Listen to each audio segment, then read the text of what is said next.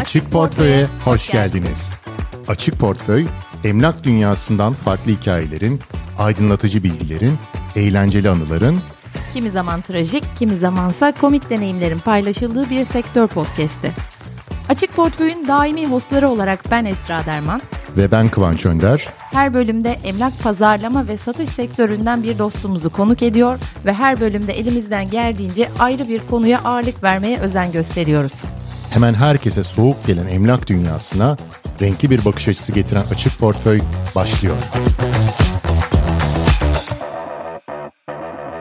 Evet yeni bir bölümde beraberiz. Açık Portföy'ün 5-6. bölümü. Konumuz ne Esra? Topu sana atıyorum. Harika. Eyvah yetişemiyorum. Bence emlakçıların en büyük problemlerinden bir tanesi.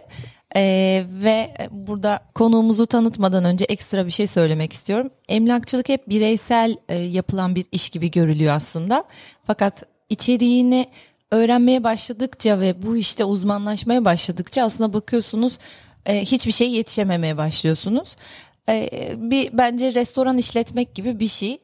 Servisi siz veriyorsunuz, kasaya siz bakıyorsunuz, bulaşıkları siz yıkıyorsunuz, yemeği siz yapıyorsunuz. Olabilir mi? Mümkün değil. Ee, ve bu şekilde de standartları korumanız mümkün değil. O yüzden belli bir yerden sonra yetişememeye başlıyorsunuz ve çözüm arayışına giriyorsunuz. Bu çözüm arayışı neler olabilir bir emlakçı için? Aslında bu bölümde daha çok bunu konuşuyor olacağız. Güzel de bir konuğumuz var. Bu konuyla ilgili de çok tecrübesi olduğuna inandığımız. Ee, Murat'cığım hoş geldin.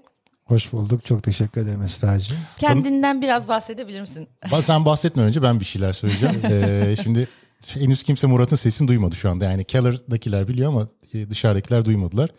Ee, Murat Girişken bizim Keller Williams ekibinin en ne diyelim en centilmen ve en janti karakterlerinden. Ay, evet. Hatta en en jantisi Murat'tır yani. Hiçbir zaman Murat'ı sura, suratı asıkken hiç görmedim. Evet. Hiç görmedim. Ama evli hanımlar o Um- yüzden. Umarım, umarım eşim de aynı fikirdedir. Buyurun efendim top sizde. çok mersi. Çok teşekkür ediyorum bu nazik davetiniz için. Bildiklerimi paylaşmaktan da keyif alacağım. Hakikaten çok haklı söyledin Esra. Ee, bu iş öyle dışarıdan bakıldığı gibi değil. Ben de henüz daha 5. yılında olan bir emlakçıyım. Ee, Biraz anlatsın abi nasıl bulaştın bu işe? Peki, Hadi oradan hemen. başlayalım. Ee, esas sanayiciyiz. Üç nesildir yağ sanayiyle uğraşıyoruz ve hep onunla doğduk, onunla büyüdüm. 18 yaşından da beri bir fiil o işin içindeydim. Üretim yaptık. Bundan yaklaşık bir 5-6 sene evvel bir meslektaş arkadaşımız benim çok sevdiğim Haydar Otman diye bir arkadaşım bir gün dedi ki Murat senin çevren geniş. Sen mevcut işinin yanında ister misin emlakçılıkta yapmak? Ya Haydar ben ne anlarım abi emlakçılıktan? Müşteri getir dedi. Beraber bir çalışalım dedi. Haftada kaç gün gidiyorsun fabrikaya? Dedim ki 3 gün gidiyorum. Geri kalanlar e, Nişantaşı'nda ofisteyim. Onunla da yakınız. E tamam dedi. O iki günlerde beraber bakarız. Zaten hep beraber vakit geçiriyoruz. Olur mu falan derken o bir sene içinde bir baktım ki biz bir tane bina aldık sattık. Ay şahane. Ee, Hayrabol'da büyük bir çiftlik arazisini hallettik. Dedim oluyor galiba bu iş. Arkasından zaten iş biraz ite kaka gidiyordu son yıllarda. Ve bir gün karar verdim ki artık yel değirmenlerine saldırmanın manası yok ve ben emlak işine girmeye karar verdim. Daha doğrusu Aykut Şen'in e, kulağı çınlasın tavsiyesiyle karma açılıyor. Yeni bir ofis. Bir gel bir dinle. Peki bir geldik bir dinledik. Geldiğim günden beri Emlakçısın. emlakçı. Harika. Çok Bir da de- severek yapıyorum. E, Acayip. Rüyalarıma giriyor. Şimdi yeni bir arkadaş aldım. Hani böyle sözünü kestim ama yeni bir e, yer gösterme konusunda destek olsun diye ekibimize dahil ettiğimiz bir arkadaşımız var. Dün bana diyor ki ya Murat Bey ya bu iş çok heyecanlı bir işe benziyor. Vallahi bütün günü heyecanla geçiyorum. Dedim ki Erdemcim bak göreceksin rüyalarına girecek. Öyle oluyor. Yani emlakçılık hakikaten insanın rüyasına giriyor. Evet. O zaman şeye bağlayalım. Güzel oldu aslında. Evet. Ee, Erdem'den bahsettin. Erdem'in takımına dahil olması bir sebepten dolayı. Tabii ki. Neydi o? Neden Eyvah, böyle bir ihtiyaç? Yetişemiyorum. Yetişemedin. Eyvah yetişemiyorum. Eyvah. Önce Orada bir soruyla girmek istiyorum. Eyvah yetişemiyorum noktasına nasıl geldin ve nasıl anladın? Tamam şimdi ne yapmam gerekiyor benim bu saatten sonra tek başıma bunu ilerletemeyeceğim dediğin nokta neydi? Peki o zaman biraz geri sarayım. Evet. 2-3 sene öncesine gideyim. Ee, herkesin bir meziyeti var. Benim de meziyetim, anti meziyetim teknolojiye uzak bir karakterim. Ee, dolayısıyla böyle hani yazmak, çizmek bunlar çok bana uygun şeyler değil. Bünyem bunu kabul etmiyor. Ve bu eksikliğimi de tamamlamak için esas Didemcim var. Beraber çalıştığımız çok kıymet verdiğim bir arkadaşım. O benim sağ kolum artık. Bütün ilanlarımız o giriyor. Telefon görüşmelerimin notlarını o alıyor ve aslında ilk adımım Didem'le başladık. Ve Didem böyle benim bütün arkamı topladığı için bu bir işi restoran işi olsaydı mutfakta Didem var. Hı hı. Ee, sonra o Didem bana çok güzel yemek hazırlıyor da ben onları servis etmekte zorlanıyorum. Çünkü ufak tefek fena olmamaya başladığı işler galiba restoran örneğinden yürüyorum. Tadımız beğenildi. Müşteri gelmeye başladı. Kapıdan gelene de welcome diyorsun. Çok da mutlu oluyorsun ama bu arada Didem hazırlıyor ama ben servise yetişemiyorum. Hı hı. Dolayısıyla kendim garsonsam o servisi yetiştiremiyorum. Dedim ki yanıma bir arkadaş lazım. Hakikaten yetişemiyorum. Yani ben Esra'ya servis yaparken bir tanesi de eee, başka birisine yapıyor olmalı. Dolayısıyla bu örnekten yola çıkarak bir arayışa girdim. Ve arayışa girince de Kıvanç'ım dedim ki birisine ihtiyaç var. Ve bu noktada da Erdemcim yardımımıza yetişti. Şimdi onunla beraberiz. Ee, Erdem'le de bütün bu süreci beraber geçiriyor olacağız. Mutfağımızda gene Didemcim olacak ama öbür taraftan da servisi Erdem'le beraber yapacağız. Daha sık göreceksiniz Erdem'i. Ee, yine dış dünyaya bir not olarak şey yapalım. Bu servis dediğimiz şey nedir? Yani bu işin en çok vakit çalan kısmı ne? Ee, diyelim ki elimizde 10 tane satılık gayrimenkul var. Bu 10 tane gayrimenkulde görmek isteyen 10 çarp 2 diyelim 20 tane insan var. Bunlar farklı günlerin farklı saatlerinde işi var, çocuğu var, okulu var vesaire. Gelip o evi görmek istiyor. Bu evlerin kimisinde kiracı var, kimisinde yok. Ee, muhtelif de- denklemler var. Bir organizasyon işi aslında bunlar. Evet. Ve fiziksel olarak bir yerden bir yere gitmeyi gerektiren, bir yerlerde bulunmayı gerektiren bir iş. Servis denen şey o evin kapısından alıcı müşterileri sokmak ve çok zaman tüketen bir şey. Parantezi kapattım.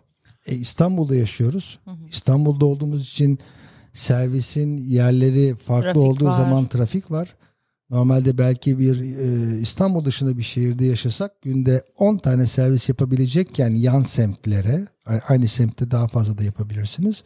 Ama İstanbul'da bu 3 4'ü geçmiyor. E, benim portföyümde Boğaz hattı var ama Boğaz hattının yanında Anadolu yakası da var. Polonezköy'de çalışıyoruz.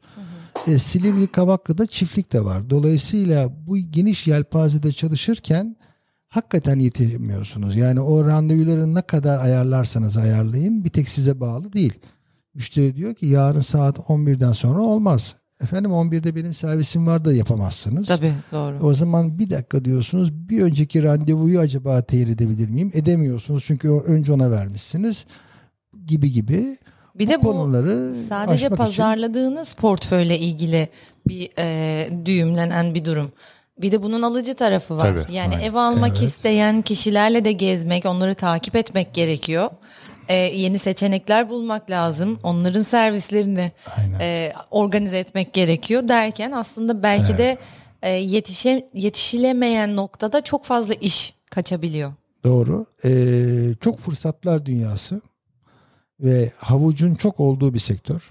Sürekli bir havuç var. Yani hiçbir telefonu pas geçemezsiniz. Hiçbir serviste müşterinize iyi servis yapmama gibi bir lüksünüz yok. Çünkü o müşteri size tık ayrılırken bir şey söyleyebilir. Alın size en güzel ipucu. Dolayısıyla müşteri diyaloğunuz çok iyi olacaksa onlara da servis vermek için yetişmeniz lazım.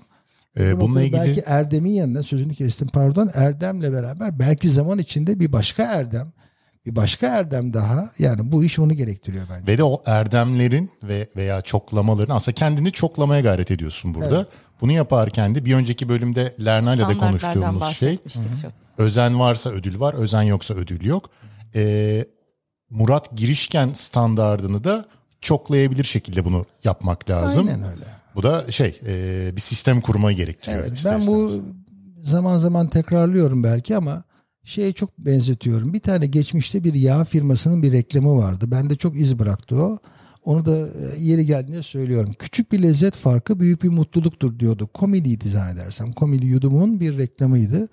O küçük bir farklılıklar aslında bizim gibi hizmet sektöründe olan insanlar için müşteriye çok güzel dokunuşlar. Ben mümkün olduğu kadar servislerimizi müzik eşliğinde yapıyorum. Bir tane bluetooth hoparlörümüz var. O müzik e, genelde böyle belli müzikler yani biraz caz biraz klasik yeri geldiği zaman farklı müzikler çalıyoruz ama mutlaka mekana İbrahim uygun. Tatlıses çalmıyor musunuz? Ne çaldığımız oldu. Ferdi Özbeğen'den e, istek geldi. Çok samimi söylüyorum. Bir serviste Dilek ki- taşı. Evet anlatmıştım değil mi? Evet. Vallahi dedi ki kayınvalidemin en sevdiği parçadır ne olur kayınvalideme bu evi kabul ettirmemiz lazım. Ferdi Özben dilek taşı çalar mısınız dedi. Dedim çalmaz mıyız Cenk Beyciğim kulağı çınlasın. Çaldık. Kadıncağız başladı ağlamaya. Dedi ki ağlamanız için yap. Yok dedi mutluluktan ağlıyorum. Ha ha o zaman iyi. Süper. Ya hiçbir zaman aklından çıkmayacaksın yani. O yüzden müziği kullanıyoruz. Parfüm kullanıyoruz. E şimdi Erdem'le beraber yaptığımız servislerde yarım saat önce gidiyor, 15 dakika önce gidiyoruz, camları açıyoruz, ev havalanıyor. Apartmansa apartmanın e, koridorlarına başlıyoruz sıkmaya. Çünkü apartmanlarda genelde bir yemek kokusu Yemek. hakim oluyor eski apartmanlarda. Evin içine girince aynı kokuyu sıkıyoruz, havalandırıyoruz ve hafif bir müzikle müşterimizi karşılıyoruz. Zaten girince o müzik onları bir şekilde böyle bir çok duyuya hitap ediyor ya müzik ve Evet. koku. Ee, bir anda böyle rahatladıklarını çok net gözlemleyebiliyor. Buz O işe kırıcı gibi yarıyor. oluyor. Ben bu arada e, şeyi de gördüm. Ee, daha önceki servis verdiğim bir evde bahçede bir incir ağacı vardı. İncir ağacı e, inanılmaz e, müşteride etki bıraktı. Çünkü küçükken büyüdüğü evin bahçesinde incir ağacı varmış. Ha, enteresan. E, evet o da yani bahçedeki ağaçları ve çiçekleri de iyi bilmek gerekiyor bence. Tabii önemli. Ee, şey var mı? Şu şu anda hemen aklına gelin bilmiyorum ama yetişmek, yetişememekten kaynaklı bir kaçan bir fırsat, başına gelen böyle enteresan bir olay, e, ne bileyim hani böyle dinleyenlere şey olabilecek bir hikaye var mı? Kaybettiğim bir para. E, olmaz olur mu ya? Mutlaka var. Şimdi sen böyle söyleyince tık diye şu vardı diyemiyorum ama eminim var. Genel anlatsan da olur. Yani illaki vardır bir şeyler. Ee, başka müşteriye giden müşterimiz var. Yani ya Murat Beyciğim sizi aradım ama ulaşamadım ve bana geri dönüşünüz bir tık geç oldu. Ben bir başka birisiyle yola çıktım dedi ve daha sonra da iyi bir satım alımı yaptığını öğrendim. E bunlar da bazen değilmiş. yani birkaç dakika bile belirleyici olabilir bu tip şeylerde. Bir de bizde bu tarz hatalar gerçekten çok e, parasal anlamda büyük kayıplara neden olabiliyor. Aslında Ya hizmet sektörüyüz ya. Hakikaten hatasız olmak zorundasınız. Yani müşteriye doğru zamanda cevap vereceksiniz. istediği servisi yapacaksınız ve istediklerini yerine getireceksiniz ve ola ki bir tanesi aksadı. E, aksayınca da o e, hoş olmuyor. Minimum yapmaya gayret ediyoruz. peki size soru. Yetişememek e, konusuna geldiğimizde büyümek şart mı bu meslekte? Yani büyümeyeceğim ben e, yetişemediğim noktada da müşterilerle ilgilenmeyeceğim demek de bir seçenek mi yoksa hayır e, gerçekten bu işi profesyonel bir şekilde yapmak istiyorsan büyümen gerekiyor. Yoksa yerinde sayarsın mı diyorsunuz? Ben mi söyleyeyim? Bence ben e, büyümenin ille bir zorunluluk olmadığını düşünüyorum. Ya bazen insana yetiyorsa bu maddi olabilir, manevi olabilir, e, duygusal tatmin boyutu olabilir. Eğer yetiyorsa büyümek şart değil. Çünkü o biraz artık endüstriyelleşmeyi de beraberinde getiriyor. Hizmet kaliteni koruyabilirsin de koruyamayabilirsin. O birazcık aslında zar atma boyutu var işin. Eğer kusursuz bir şekilde örnek işte Murat Girişkin'in bir hizmet şeyi var. Bir, bir paketi var Murat'ın. İşte bir önceki bölümde Lerna ve diğer herkesin var bir paketi. Bunu hak ettiği şekilde çoklayamayacaksak eğer ya da çoklayamadıysak eğer belki de bireysel boyutta kalmak bir tercih olabilir. İlle büyümek şart değil. Büyüyebilenin de büyümesinin önünde engel olmanın alemi yok. O bir şey. e, yolda özel. görülecek bir şey yani. biraz kişiye özel. Yani bu e, kişisel eğitim e, eğitimlerde de onu söylüyorlar ya hayır diyebilmeyi bilmek lazım. Ben karakter itibariyle çok kolay hayır diyebilen bir insan değilim.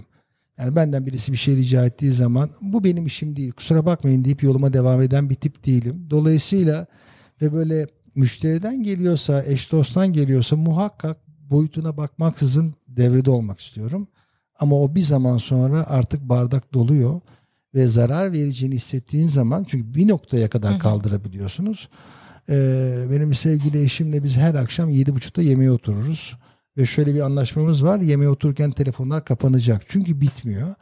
O artık kapanacakları aşmaya çalışıyorum. Ya Begüm'cüm ne olur açık kalsın ya peki kalsın. e saat 10-11 halen bir şey yapıyorsanız bu aslında sağlıklı bir iş hayatı değil. Değil. Dolayısıyla bir yerde durabilmeyi bilmek lazım. Gerekirse eee, geçenlerde şunu anlatayım. Çok ismini vermeyeyim. Çok sevdiğim bir arkadaşıma rastladım. Sen ben oradan. O da emlakçı. O da yılların emlakçısı. Muratçım dedi ben cuma günü saat 5'te telefonumu kaparım, viskimi koyarım. Hadi ya hakikaten mi? Cumartesi pazar? Yok abi dedi çalışmam. Nasıl yani? E Yani şartsa çok önemliyse, eksepsiyonelse bozarım ama genelde bozmam. Ben pazartesi ve cuma arasındaki yaptığım işler benim hayatımda benim için yeterli ve gayet de iyi, Hmm. iyi para kazanıyorum. Ben standartımı böyle koydum dedi. Hayranlıkla baktım. Belki ideali tabii bu kadar keskin olmamakla birlikte işin hayatımıza bir noktadan sonra müdahil olmamasına e, Gayret etmek. gayret etmek lazım. yani. Şimdi şöyle bir şey var tabii yani emlakçılık eğer iyi yapılırsa çok iyi para kazandıran bir iş. Dolayısıyla önümüze çıkan fırsatları da insan yani insan psikolojisine ters bir durum da var. Yani aman kaçırmayayım, aman kaçırmayayım, daha çok para, daha çok para orada bir şey var, bir tercih noktası var. Yani o bıçağın bu tarafına ya da öbür tarafına düşme durumu var. Ee, bana yetiyor tamam artık e, alıp öbür tarafa götürecek halimiz de yok deyip orada belki çizgiyi çekmek gerekebilir bazen. Ama evet çok kişisel bir konu. Yani tamamen tercihe bağlı bir konu. Bakalım koşturmaca dünyası da şey e, bazen böyle insanın kafası karışabiliyor, aklı çelinebiliyor. Zor şeyler bunlar. Bir de büyüme aşamasında işleri delege etmek de ayrı bir e, yetenek diye düşünüyorum. Herkes kolay kolay e, işte kendine gelen işi yeni beraber çalışacağı takım arkadaşına e, delege etmeye çalışması da ayrı bir süreç ve emek. Ve zorluk. Tabii. Yani o süreci yaşayacaksınız, tam inanacaksınız. Ondan sonra da delege edeceksiniz. Sonra da delegenizi kontrol edeceksiniz. Bakalım hakikaten doğru mu yapıyor diye. Şeyde bile bazen problem oluyor. Atıyorum bir bir portföy geliyor ve yönlendiriyoruz ya birine. Yönlendirirken böyle insan içi bir pırpır eder bazen. Ya birine yönlendirdik ama acaba memnun kalacak mı, memnun bırakacak mı, bırakmayacak mı? İlgilenecek mi, ilgilenmeyecek mi? Aynen çünkü şeylerde yaşanabiliyor. Yani elinin ucuyla tutuyor kimi arkadaşlar ve müşteri tarafında bir tatsızlık yaşanıyor. Yaşanmış oluyor. O da sana söylemiyor müşteri de bunu. Böyle aralarda konular olabiliyor. Yani Müşteriyi delegasyon kaybetmiş oluyorsun. Evet müşteriyi ve işi ve hani e, uzunca bir süre ya da ömür boyu belki Galiba kaybetmiş bu oluyor. işin bir anahtarı var.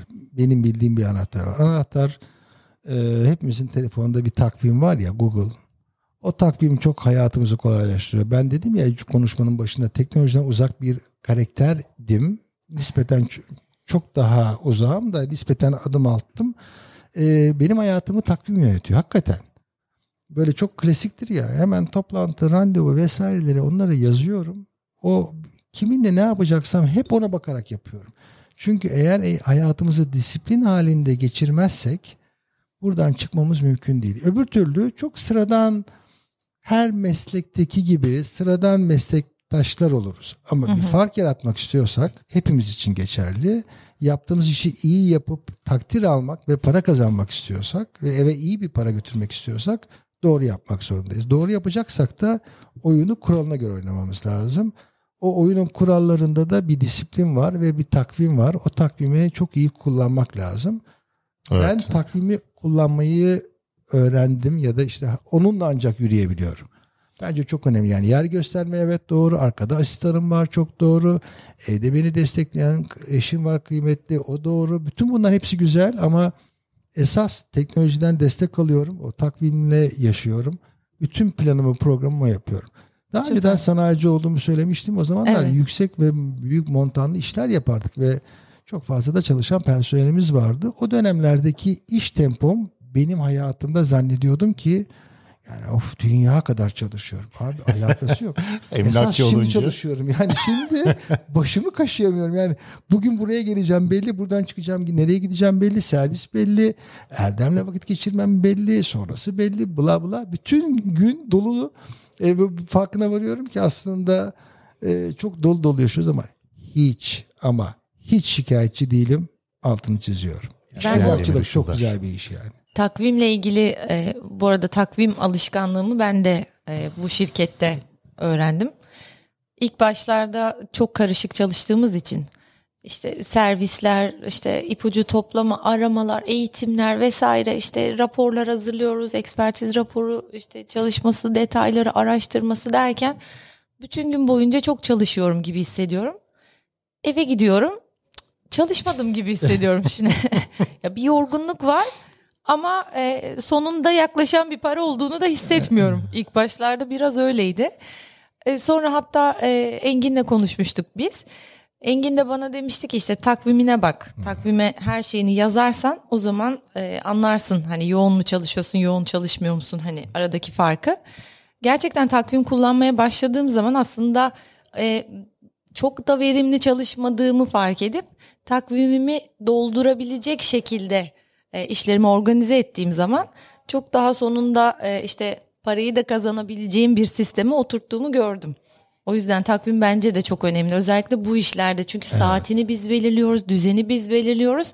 Ee, bazen bir müşteriyle yapacağımız toplantı için bile işte 45 dakika mı ayırdık. Eğer onu takvime 45 dakika olarak girmezsek müşteri konuştukça bekliyoruz. 2 saat geçiyor. Toplantı evet. yaptık 2 saat. Aslında 2 saat boyunca e, verimli bir toplantı değil artık sonra sohbete geçiyor konu ve bizim vaktimizden yiyor. Bizim için gerçekten vakit biraz nakit.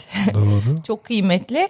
E, o yüzden e, takvime göre ilerleyince dediğin gibi hem vakti daha verimli e, kullanmış oluyoruz hem de bu işte zamanın seni sürüklemesine izin vermemiş oluyorsunuz. Siz daha evvel nasıl seyahat ederdiniz, tatil yapardınız bilmiyorum. Hı hı. Ben kendim özelimden söyleyeyim. Ben böyle önceden programmış tatillere hiç alışmadım hiç bana göre gelmedi. Ben böyle spontan gelişmeler beni çok mutlu eder. Yani baba ne yapıyoruz? Hadi bu hafta sonu Kıvanç'ım gidiyor muyuz Bodrum'a? Gidelim abi.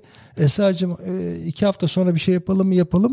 Böyle geçen bir yaşantım varken şimdi hayat sana ve e, meslek sana ve takvim sana yok diyor. Ta, tatilinin bile gününü aylar öncesinden belirlemelisin ki evet. Eylül'ün ikinci haftasında ben bir 10 gün bir hafta yokum bütün planını programı ona göre yapabiliyorsun. Son dakikaya bırakacak bir iş değil bu. O yüzden takvim hayatın bizim sektörde hayatın her noktasında diye düşünüyorum. Bu benim şahsi görüşüm. Bununla ilgili geçen sene bir örnek vereyim. Bizden bir anekdot. Ee, biz geçen yaz niye öyle yaptık bilmiyorum ama böyle bir saçma sapan bir tatil düzenine girdik. Yani düzensizliğine girdik daha doğrusu. Oraya gittik, buraya gittik, yok işte yazlığa gittik, oh. tekneye gittik ama yani sürekli tatildeyiz. Yani geçen yaz 11 bin kilometre yol bir de ben hani arabayla gitmeyi severim. 11 bin kilometre yol yapmışız. Uzun yol kamyon şoförü gibi bir şey. Ee, sonra dönüp İstanbul'a geldiğimizde şunu fark ettik. İşlerden o kadar uzaklaşmışız ki yani hemen 2-3 gün uzak kalınca kaslar gevşemiş. Tempoya girmemiz iki hafta falan sürdü. Ve zorlandık. Doğru. Hakikaten zorlandık ve dedik ki bu sene asla böyle yapmayacağız. Bunu da abarttık. Bu sene de tatil yapmadık neredeyse. Ortasını bulacağız sene inşallah. Yani bu aslında takvim konusuna niye bu kadar çok değindik diye e, dinleyenler de merak ediyorsa eyvah yetişemiyorum noktasında bir takvime bakmak lazım. Gerçekten evet. vaktini verimli mi kullanıyorsun? Takvime her şeyini işliyor musun ve gerçekten yetişemiyor musun? Çünkü gerçekten yetişemiyorum noktasında büyümek mantıklı. Evet. Gerçekten yetişemiyorum noktasında değilsen de büyümek sana zarar ver, verebiliyor. E, hayır diyebilirsin. Aynı biraz evvel Kıvancı'nın söylediği gibi müşteriye teşekkür ediyorum diyebilirsin. Yönlendirebilirsin. Ben üç tane portföyle ilgileneceğim daha fazlasını istemiyorum dersen yetişebilirsin belki. Hı hı. Ama eğer hani her işte olduğu gibi insanın doğasında olan o büyüme, daha fazla bir üretim yapma içgüdüsüyle gelen işleri çevirmeyeyim. Güzel gidiyor. Bak müşteri geliyor. içeri lokantayı alalım. Bundan daha güzel bir şey var mı dediğiniz zaman hı hı. mutlaka bir desteğe ihtiyacınız var. Önce asistan mutlaka bence. Sonra da yer göstermeli. Zaten şirketimiz de bunu söylüyor. Yani evet. bunun sırasıyla böyle yapılmasının doğru olduğunu söylüyorlar. Ancak onlarla büyüyebiliriz ama hakikaten gelinen noktada bazen belki çizgileri iyi çizmek lazım. Yani ne istediğimizi, nereye kadar istediğimizi netleştirip ona göre yol haritası çizmemiz lazım. Bir de e, şeyi de söyleyeyim sonra artık süreyi de aşmayalım. E, bazen takvime koyduğumuz bir takım şeyler de aslında takvime kon, konmayası şeyler de olabiliyor. Yani sırf takvime koyduk diye de yani bir saat bir şeye vakit ayırmak abi bakıyorsun aslında 15 dakikalık bir iş gereksizmiş. 30 dakika 45 dakika bazılarını çıkarmakta fayda var belki de. Toparlayalım artık sürenin sonuna geldik. Ee, kapanış sen yap istersen ben en sonunda bir hatırlatma söyleyeceğim çünkü. Ben e, Murat sana tekrar teşekkür ederim. Bizi kırmadın. Programımıza konuk oldun. Evet, e, şirketimizin e, centilmeni Murat Girişken'le evet. bugün e, bölümümüzü kaydettik. Kapatırken ben tekrar şey hatırlatmak istiyorum. Kuru kuru dinlemiyoruz. Takip et butonuna tıklıyoruz ve o çan işaretine, zil işaretine tıklıyoruz ki yayılsın. Bu podcast'te sadece kendi aramızda Keller Williams dünyasını yapan dinleyenler olarak kalmayalım. etrafa yayılsın. Herkes bundan istifade etsin. Tecrübelerimizden istifade etsin değil mi? Müşterilere falan da göndeririz değil mi abi bu bölüm? Yani çıktıktan sonra. Zaten ilerleyen bölümlerde müşterileri de e, programımıza konuk etmek istiyoruz. Hatta bölgedeki Aa, süper. diğer emlakçı arkadaşlarımızı da konuk etmek istiyoruz. Bence bu çok daha da güzel Esra. Hakikaten bu işi böyle büyütüyor olmanız çok kıymetli. Diğer sektördeki diğer meslektaşlarımızı da buraya alıyor olsak. Çünkü sonuçta öyle güzel bir pasta ki herkese bir dilim var. Yani burada bence bencil olunacak hiçbir sektör değil. Yani Aynen öyle. O para kazandı tüh dinleyecek bir iş değil. Eğer kendi içinizde öyle bir egonuz yoksa herkesin kazanacağı bir para var. Diğer meslektaşlarımızla beraber yapıyor olmak da bence ayrıca sizin güzelliğiniz bence çok güzel olur, hoş olur. O zaman ağzına sağlık abi. Çok teşekkür ediyoruz. Ben teşekkür ediyorum. Tekrar bekleriz. Çok Bir sonraki bölümde görüşmek üzere. Görüşmek üzere.